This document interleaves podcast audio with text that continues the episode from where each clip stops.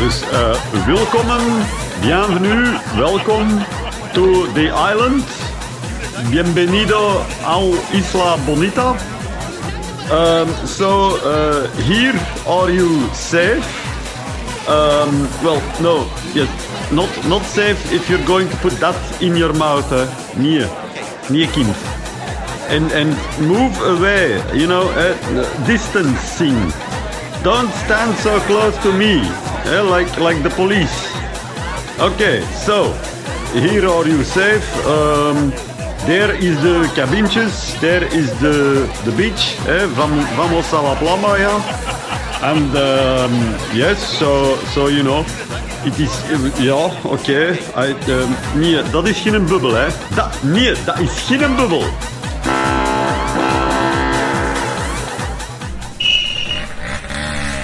Pardon, pardon. Oei, sorry, ik had hem gezien. Uh, mag ik even passeren? Pardon, excuseer, pardon, mag ik even passeren? Ja, dank u. Uh... Is this in the crown? Where to go for tickets? Yes, uh, yes. Uh, welcome. Uh, this is uh, the burgemeester uh, of the island over there. Um, I think he's also selling tickets right now, so maybe. Yes, you probeer there? Mazel tov! We came all the way from Tel Aviv. We heard so much about this crazy island festival. It's the only shoot spot thing going from us during this pandemic. Except for the schlock laughing gas. Ah, woohoo, Jonas! Um, ik ben eigenlijk gekomen om iemand op te pikken. Dus, uh, ah, daar is Tisse. Tim, Tim, joehoe! Hey Tim, ça va met u? Je hebt iets zots meegemaakt heel die quarantaineperiode. Je zat vast op een festival, Tribal Gathering of zo. Wat was dat precies? Een festival op een Caraïbisch strand uh, aan de rand van de Panamese jungle. En dat duurt meer dan twee weken en is vooral opgebouwd rond de, de vele inheemse stammen over de hele wereld die daar een kennis, tradities en rituelen komen Het is eigenlijk een combinatie tussen een Psytrance festival en dus die stemmen, alle continenten. Ja, die delen daar al hun kennis, geven veel workshops uh, over dingen maken, over hun religie, over hun kijk op de wereld. De mensen die daar naartoe komen, hebben natuurlijk ook uh, die insteek om daar, om daar iets bij te leren, maar ook om te feesten, laten we daar duidelijk om zijn. Als je de shamaan uit de Amazone op psytrance muziek ziet dansen, dat is een vrij unieke uh, ervaring. Ik ben daar naartoe gegaan voor de eerste keer vijf jaar terug um, en ik zat toen in een vrij donkere periode in mijn leven. Ik zag op die moment niet echt veel uitkomst. Uh, ik wist niet wat ik moest doen, maar ik wist wel dat ik iets moest doen. Ik weet niet wat het was, waren het ceremonies of de ayahuasca.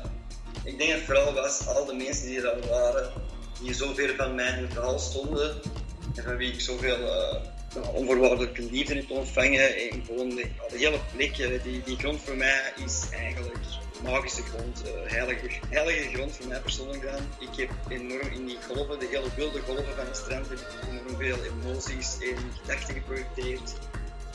Ik weet niet waar het was, maar toen ik terugkwam van Tribal was ik ook echt terug als mezelf. Had je eigenlijk enig idee dat de hele wereld in lockdown ging?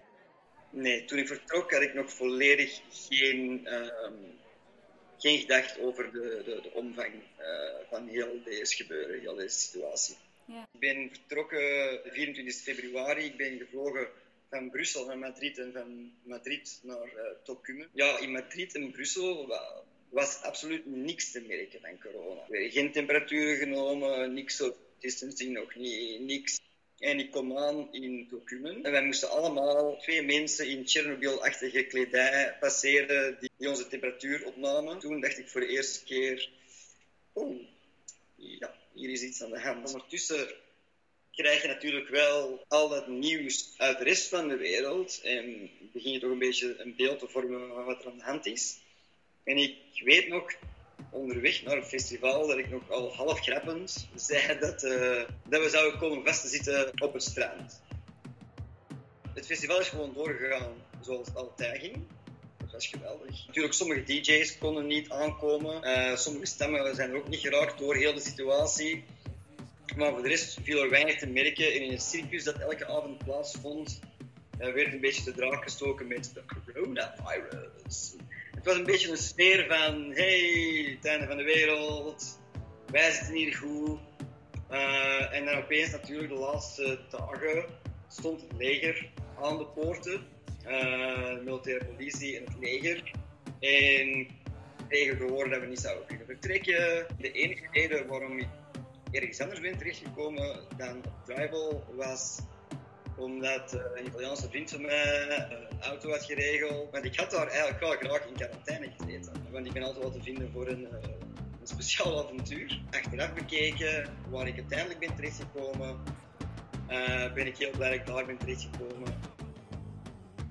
Panama City werd meer en meer hermetisch afgesloten. Er werd al een avondklok ingesteld. Ik vermoedde, ook van meer locals te praten, dat van het moment dat op het einde van de maand de mensen hun geld niet zouden krijgen, dat, dat wel eens in sommige buurten in Panama City serieus de hand zou kunnen lopen. Wauw, man. Daar zit je schoon aan ontsnapt. En toen zijt je dan gevlucht naar Kaluyala. Wat is dat precies? Self-sustaining, semi-self-sustaining uh, dorp, bergachtige streek uh, in het regenwoud van Panama. Ik wist dat die op 23 maart hun deuren gingen sluiten. Dat er niemand niet meer zou bijkomen en dat die zelf quarantaine zouden komen. Uh, we hadden daar niet alles wat we wilden, maar wel alles wat we nodig hadden om te overleven. Nu zijn er drie maaltijden per dag, vooral linzen, bonen, rijst, een beetje sla. In Kaluyala zijn 570 acres, ik denk dat het ongeveer 250 hectare zijn, uh, van farmland uh, in het midden van June, midden van vallei. Ik had het al nog wel even kunnen uithouden. Daar zit je dan, je hebt alle tijd van de wereld. Uh, wat doe je daar eigenlijk op, op zo'n godganse dag? Hoe, hoe zien de dagen daar eigenlijk uit? Belachelijk goed gevuld. Wij organiseerden workshops, uh, wij, wij, wij, hadden elke avond kampvuur, geleerde elkaar heel goed. Wij hadden daar een DJ, elke avond feest eigenlijk. Basically, we denk ik ongeveer 11 verjaardagen gevierd. Dan hadden wij Engelse les, Spaanse les. Wij hadden fotoshoots, we hadden drie professionele fotografen. We hadden trouwens ook een, een dokter die daar toevallig zat. Je hebt ook een artikel geschreven over mijn Niet iedereen ideeën af, iedereen droeg bij. Het is eigenlijk een, meer een, kunstcollectief geworden. Uh. Oeh, en hoe ging dat dan als groep? Wie, wie nam er dan de leiding? Er heeft eigenlijk niet iemand de leiding genomen. Alles is heel uh, organisch gegaan. En iedereen die iets wilde organiseren, kreeg kans om dat te doen. Dus soms was het zelfs een beetje te veel, omdat je je eigenlijk al een beetje schuldig voelde. Ja, sorry, ik kan niet naar je workshop komen, want ik moet gewoon even een beetje chillen. Ik, ik, ik heb altijd mijn twijfels gehad over anarchisme als een bestuursvorm mm. op grote schaal.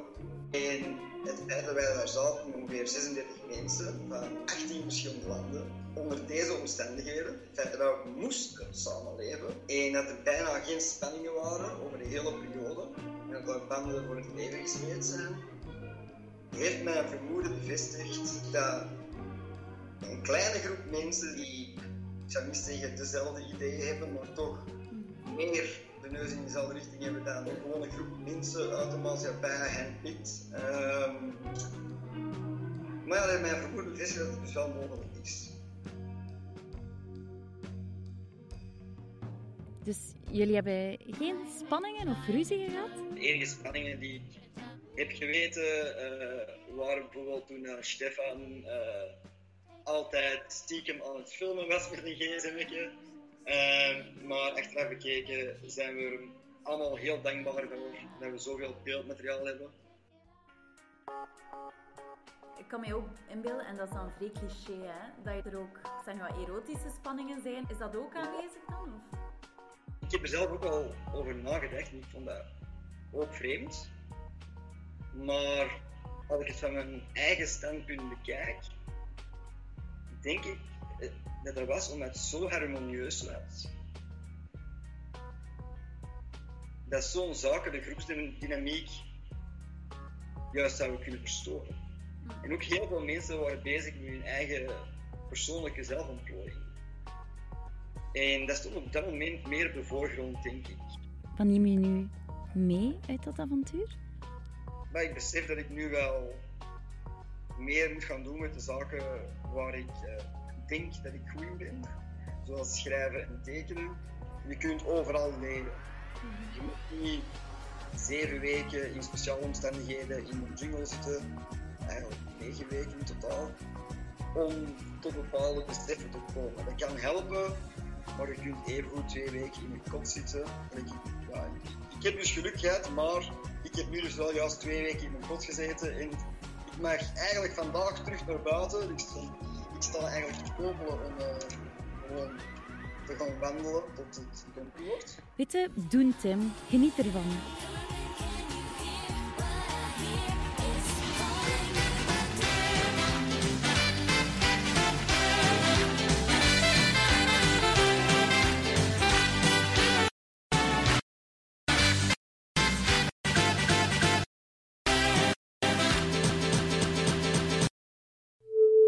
Sound check, sound check. One.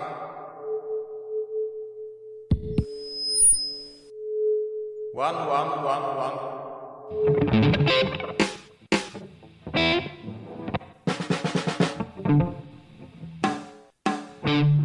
Nee, nee, nee, nee, nee. Die herbruikbare bekers zijn niet voor het café Belinda. Het is de bedoeling dat we ze gewoon los op het trein uitstrooien voor een unieke retrosensorisch festival experience.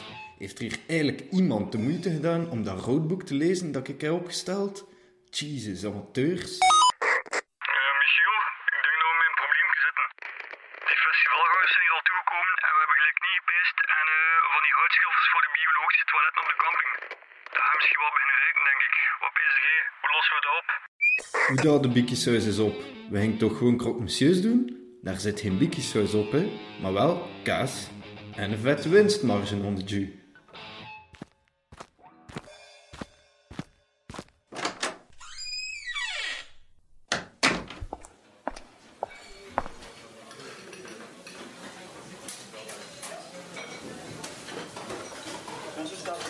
Oef, heftig hier. Wanneer gaan jullie eigenlijk van start met dit festival? Ja, het is eigenlijk nog niet begonnen. Het is pas om tien uur straks. Echt serieus, zacht. Iedereen is mij hier weer aan het opjagen, hè. Uh, ik ga nog wat extra pikkie saus bestellen. Wat moest er nog allemaal gebeuren? Wat moest er nog allemaal zijn, jongens? Ah, jongens, toch, ik moet nog mijn stemoefeningen doen. Ja, je kent het wel, hè. Corneel, mondhygiëne, pim, pam, pet, puk en de pettenflat en zo, hè. Ja. Um, ik ben direct terug. Je mag jezelf aankondigen, goed? Ja, ik ga de, ja, ik ga de jingle nog eens starten, hè. More music in the mix. Alright. Hallo, ik ben Corneel de Klerk van Radio 1 uh, Wonderland. Uh, dankjewel voor de uitnodiging.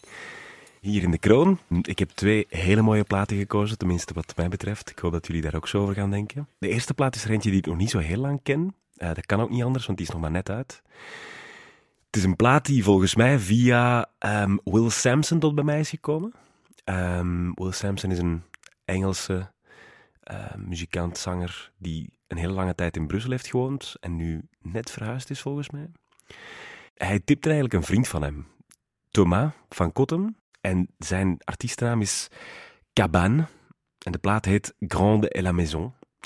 En dat leek mij ongelooflijk toepasselijk voor deze tijden. Grande et la Maison, iedereen zit opgesloten in zijn kot. In zijn cabane, in zijn hutje, want dat, dat betekent dat eigenlijk in het Frans.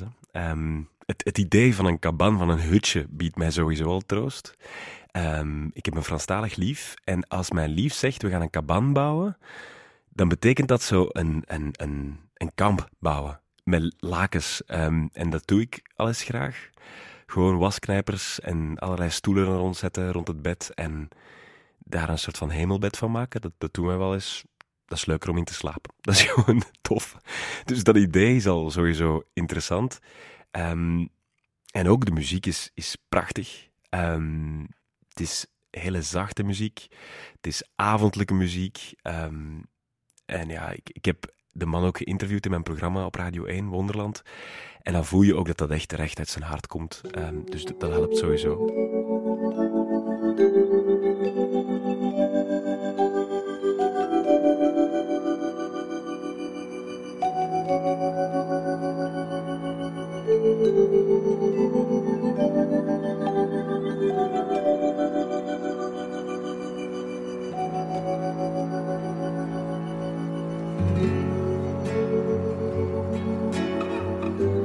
Zit een bepaalde zachtheid in de plaats, maar ook in de persoon die hij is.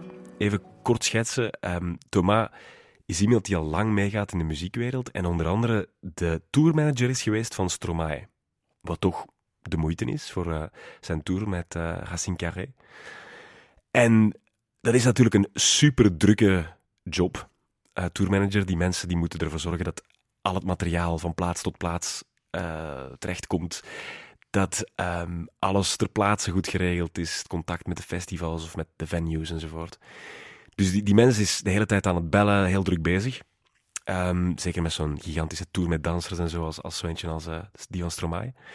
En volgens Thomas heeft hij op die momenten nood gehad aan een plekje waar hij zich kalm en rustig kon voelen. En dat was dan zijn kaban, zijn hutje, zijn ja, kamp van dekens, waar hij eh, zich kon ehm, instorten en dan schreef hij zacht muziek. Oorspronkelijk is hij een drummer, ehm, ook al staat er bijna geen drum op de hele plaat, wat toch ook wel straf is. Ehm, en hij is, en dat is wel het, het hele interessante van de plaat, hij was vroeger de drummer van Will Oldham, Bonnie Prince Billy, ook wel eh, redelijk bekend. en hij heeft die ooit leren kennen vlak na 9-11. Ehm, toen alle muzikanten van eh, Bonnie Prince Billy vastzaten in Amerika en hij aan het toeren was in Europa. Hij wilde spelen en hij wilde spelen in Brussel. En dan hebben de mensen van de botaniek een aantal mensen zo opgeroepen en hij heeft er dus meegespeeld die avond. En zo hebben ze elkaar leren kennen en daarna heeft hij een paar keer getoerd ook eh, met Bonnie Prince Billy, zijn vrienden gebleven. En op een bepaald moment heeft hij met hem ook opgenomen, met hem ook geschreven. En uit die volgens hen beiden gefaalde opnamesessies is eigenlijk deze plaat gegroeid. Ze hebben er ook iemand bijgenomen, Kate Stables. En zij drie zijn eigenlijk degenen die dit project hebben gedragen. Een heel mooi idee dat er uit zoveel toevalligheden en uit ook zoveel moeilijke momenten, namelijk 9-11, namelijk het falen van een schrijfsessie, dat daar iets moois kan uitkomen. En ik hoop oprecht, maar ik denk dat dat eigenlijk al zeker is, dat dat ook met deze periode zo zal zijn.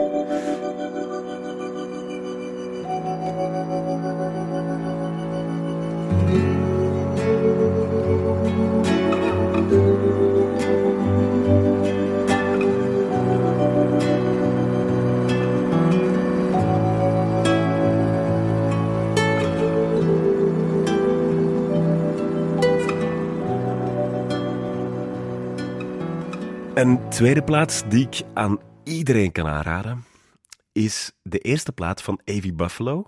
Ze heeft geen titel en misschien ook een beetje een lelijke hoes, dus dat is zeker niet de reden waarom ik ze gekozen heb. Maar wel omwille van de muziek en ook wel een beetje omwille van de herinneringen die ik ga proberen met jullie te delen. Het bekendste nummer op de plaat eh, is What's It In For. Dat ken je denk ik wel. Eh, misschien kunnen we een kort stukje luisteren.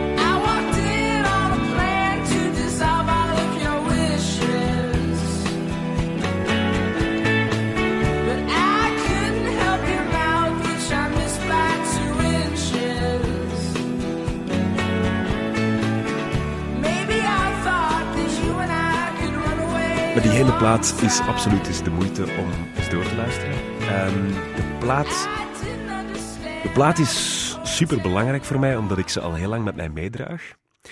Ik herinner mij nog perfect het moment waarop ze ehm, mijn leven binnenkwam. En dat is niet bij alle platen zo, om heel eerlijk te zijn. Maar ik herinner mij, in die tijd was Facebook nog super nieuw. het was 2010, eh 2010, 2011. Ik was toen eh 20 jaar. Ehm, ongeveer dezelfde leeftijd als eh Avignor, eh Avi dus ehm, zelf. En een vriend van mij, Philippe, die postte toen op Facebook de woorden: De wereld is nog niet klaar voor Avi Buffalo. En dat triggerde mij. Ik dacht, ik wil wel klaar zijn voor een artiest. Dus ik heb daarna geluisterd. Ik heb daar waanzinnig veel naar geluisterd toen. En ik ben verliefd geworden op die hele onzekere stem. Dat heel fijne, flirterige gitaargeluid. Ehm, en ja, die plaat is nooit uit mijn leven weggegaan.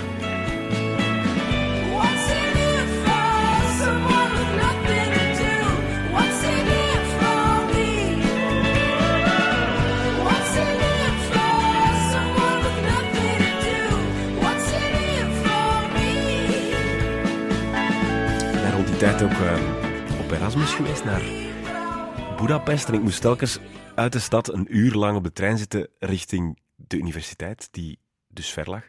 Dus dat was telkens twee uur per dag die ik moest vullen en ik had geen 3G. Dus ik moest iets anders bedenken en in die tijd was het logischste dat je kon doen een mp3-spelertje meenemen.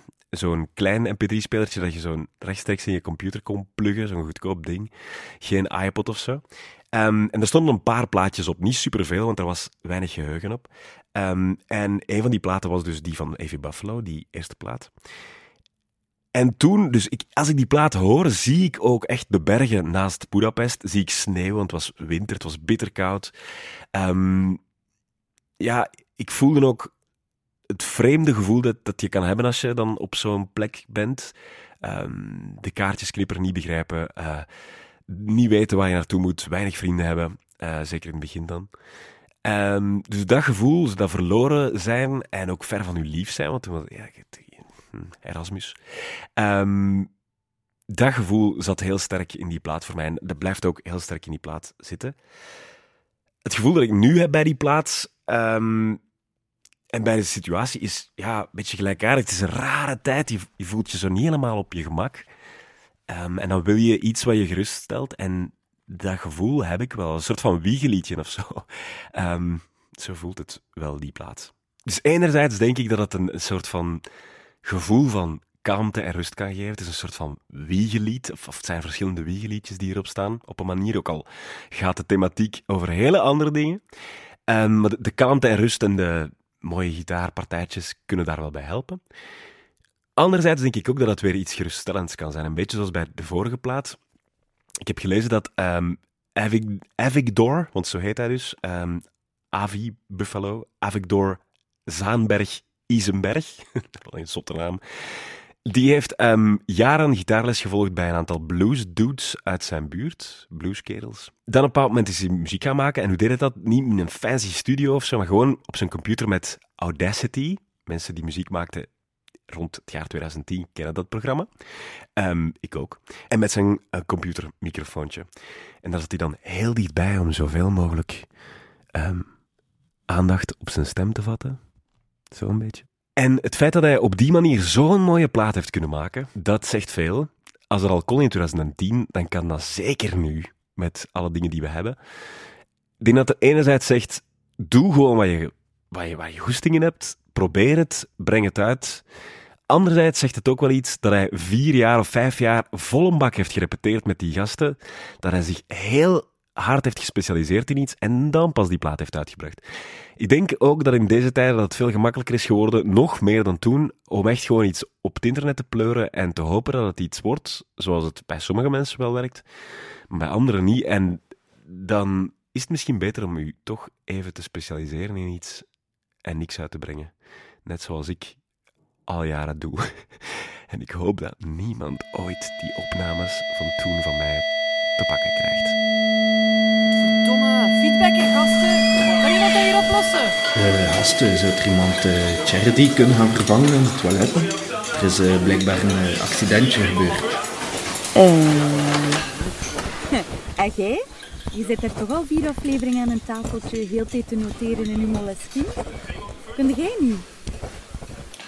Ja, sorry. Ik ben mij misschien al die tijd vergeten voorstellen. Mijn naam is professor dokter aspirant in de allernieuwste geschiedenis Lara Sogge. Ik ben jullie aan het observeren, want ik ben hier om een nieuwe geschiedenis van de mens te schrijven met de focus op eilandervaringen. Als professor dokter aspirant in de allernieuwste geschiedenis ben ik bijzonder geïnteresseerd in het ontstaan van beschavingen op eilanden, maar nog meer in het verdwijnen ervan. Ah, oké. Ik ben vooral geïnspireerd door Rutger Bregman zijn laatste epos De meeste mensen deugen uit 2019, waarin hij met allerlei historische casussen en psychologische onderzoeken wil aantonen dat diep, diep, diep, diep van binnen mensen goed zijn, maar dat het de omstandigheden zijn die wel eens het slechtste in een mens naar boven halen. Neem nu hier, op dit eiland, mijn eigenste observatie, tussen ons gezegd en gezwegen, maar sinds dat onze supersympathieke camping uit Water zichzelf tot burgemeester liet verkiezen, heeft hij toch wel iets te veel van de macht geproefd. En, allee, eerlijk, vroeger was die mens toch wel sympathieker. Dat beschreef Bregman letterlijk zo in hoofdstuk 11 hoe macht corrumpeert. Ah, ja. Allee, ik wil maar Misschien zeggen. dat hij wel iets rustiger was in het begin van de lockdown. Heeft mij ooit eens gratis een staanplaats aangeboden op de camping. Voilà, Rutger, ik mag als collega eh, Rutger zeggen, heeft dus gelijk. Nu, al bij al vond ik het hier als observator best vredevol vertoeven.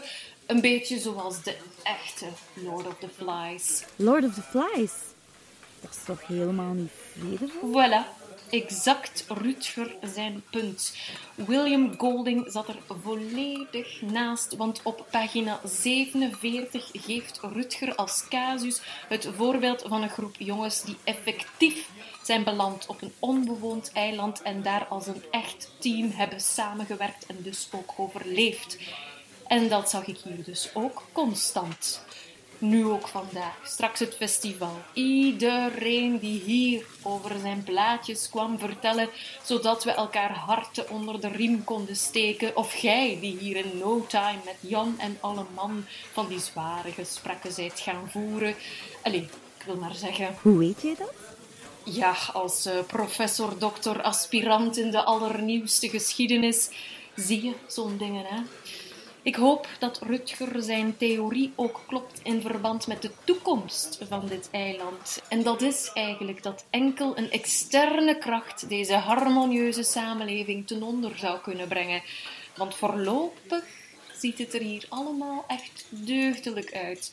Gelukkig is dat virus van op het vasteland niet tot hier geraakt. Oh ja, we mogen van geluk spreken, denk ik. Moest je dus gaan twijfelen zijn aan de goedheid van de mens, dan is zo'n lockdown misschien wel eens het goede moment om zelf ook Bregman zijn werk te lezen. Je zou bijna echt gaan geloven dat de meeste mensen deugen. Dus ik vraag mij dan af, als professor, dokter, aspirant in de allernieuwste geschiedenis en pupiel van Rutger Bregman, wat die externe kracht zal zijn die een einde brengt aan deze harmonieuze samenleving hier op ons virusvrij eiland.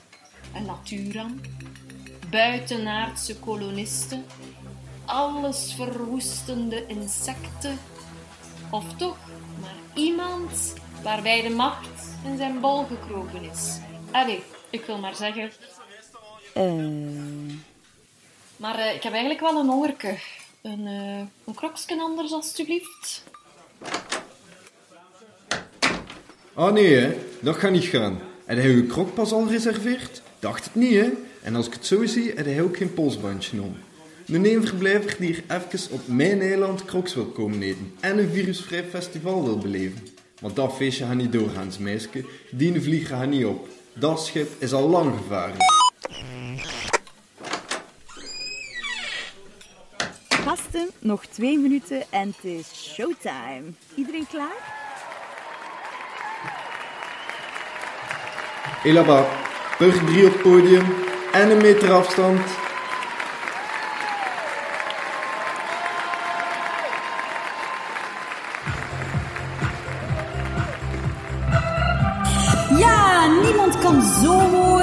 Boeken verslinden en herkauwen dan onze eigenste boektiesaurus.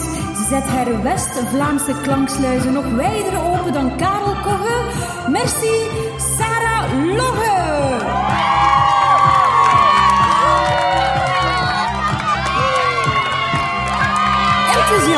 vanaf het eerste uur in de kroon. Ongestoord doorspitten ze haar adressenboekje voor ons. Wat een droom doet wat geen enkele vrouw in de uitgeverswereld doet of kan. Anne-Sophie Moerman!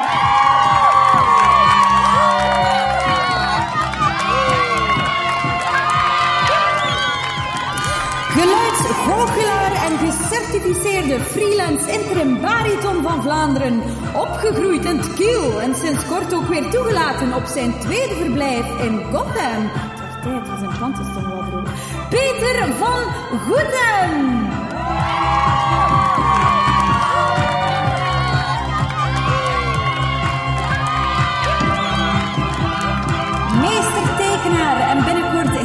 Van elk skatepark van Gent.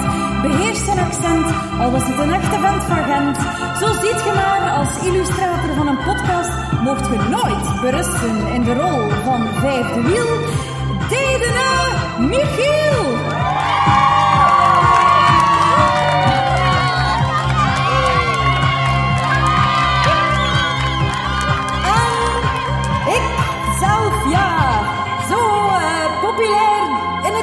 Dat ik mijzelf mag afkondigen. En er rijmt eigenlijk niet echt iets op van kerkhoven. Al haalt deze podcast het beste in mezelf naar boven. Ik was Marie.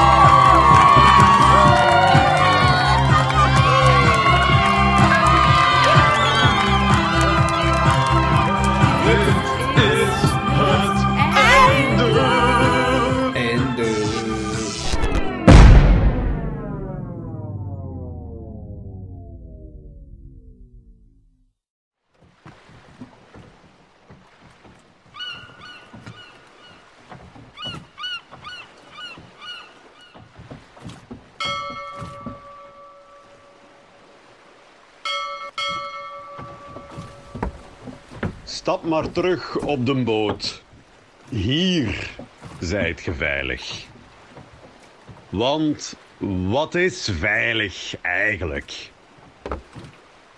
Is veilig het nieuwe normaal? Of is het nieuwe normaal gewoon weer het oude normaal? Ze spraken van uitzonderlijke omstandigheden. Een nieuwe wereld. Maar ja, we weten ook wat dat er met de vorige nieuwe wereld gebeurd is. Daarom is het misschien niet de bedoeling dat we op zoek gaan naar een eiland. Want hoe langer dat je op een eiland rondloopt, hoe rapper dat je jezelf tegenkomt. Alleen is ook maar alleen. We moeten samen zijn. Maar, maar dan apart. Ja, apart, maar ook samen. Geen eiland, maar een archipel.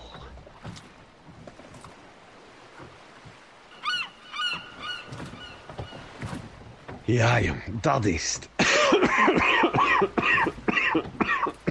een archipel.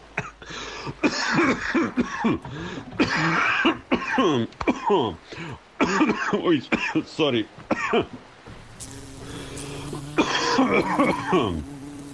Ah. Oeh. Allee. Vies beest.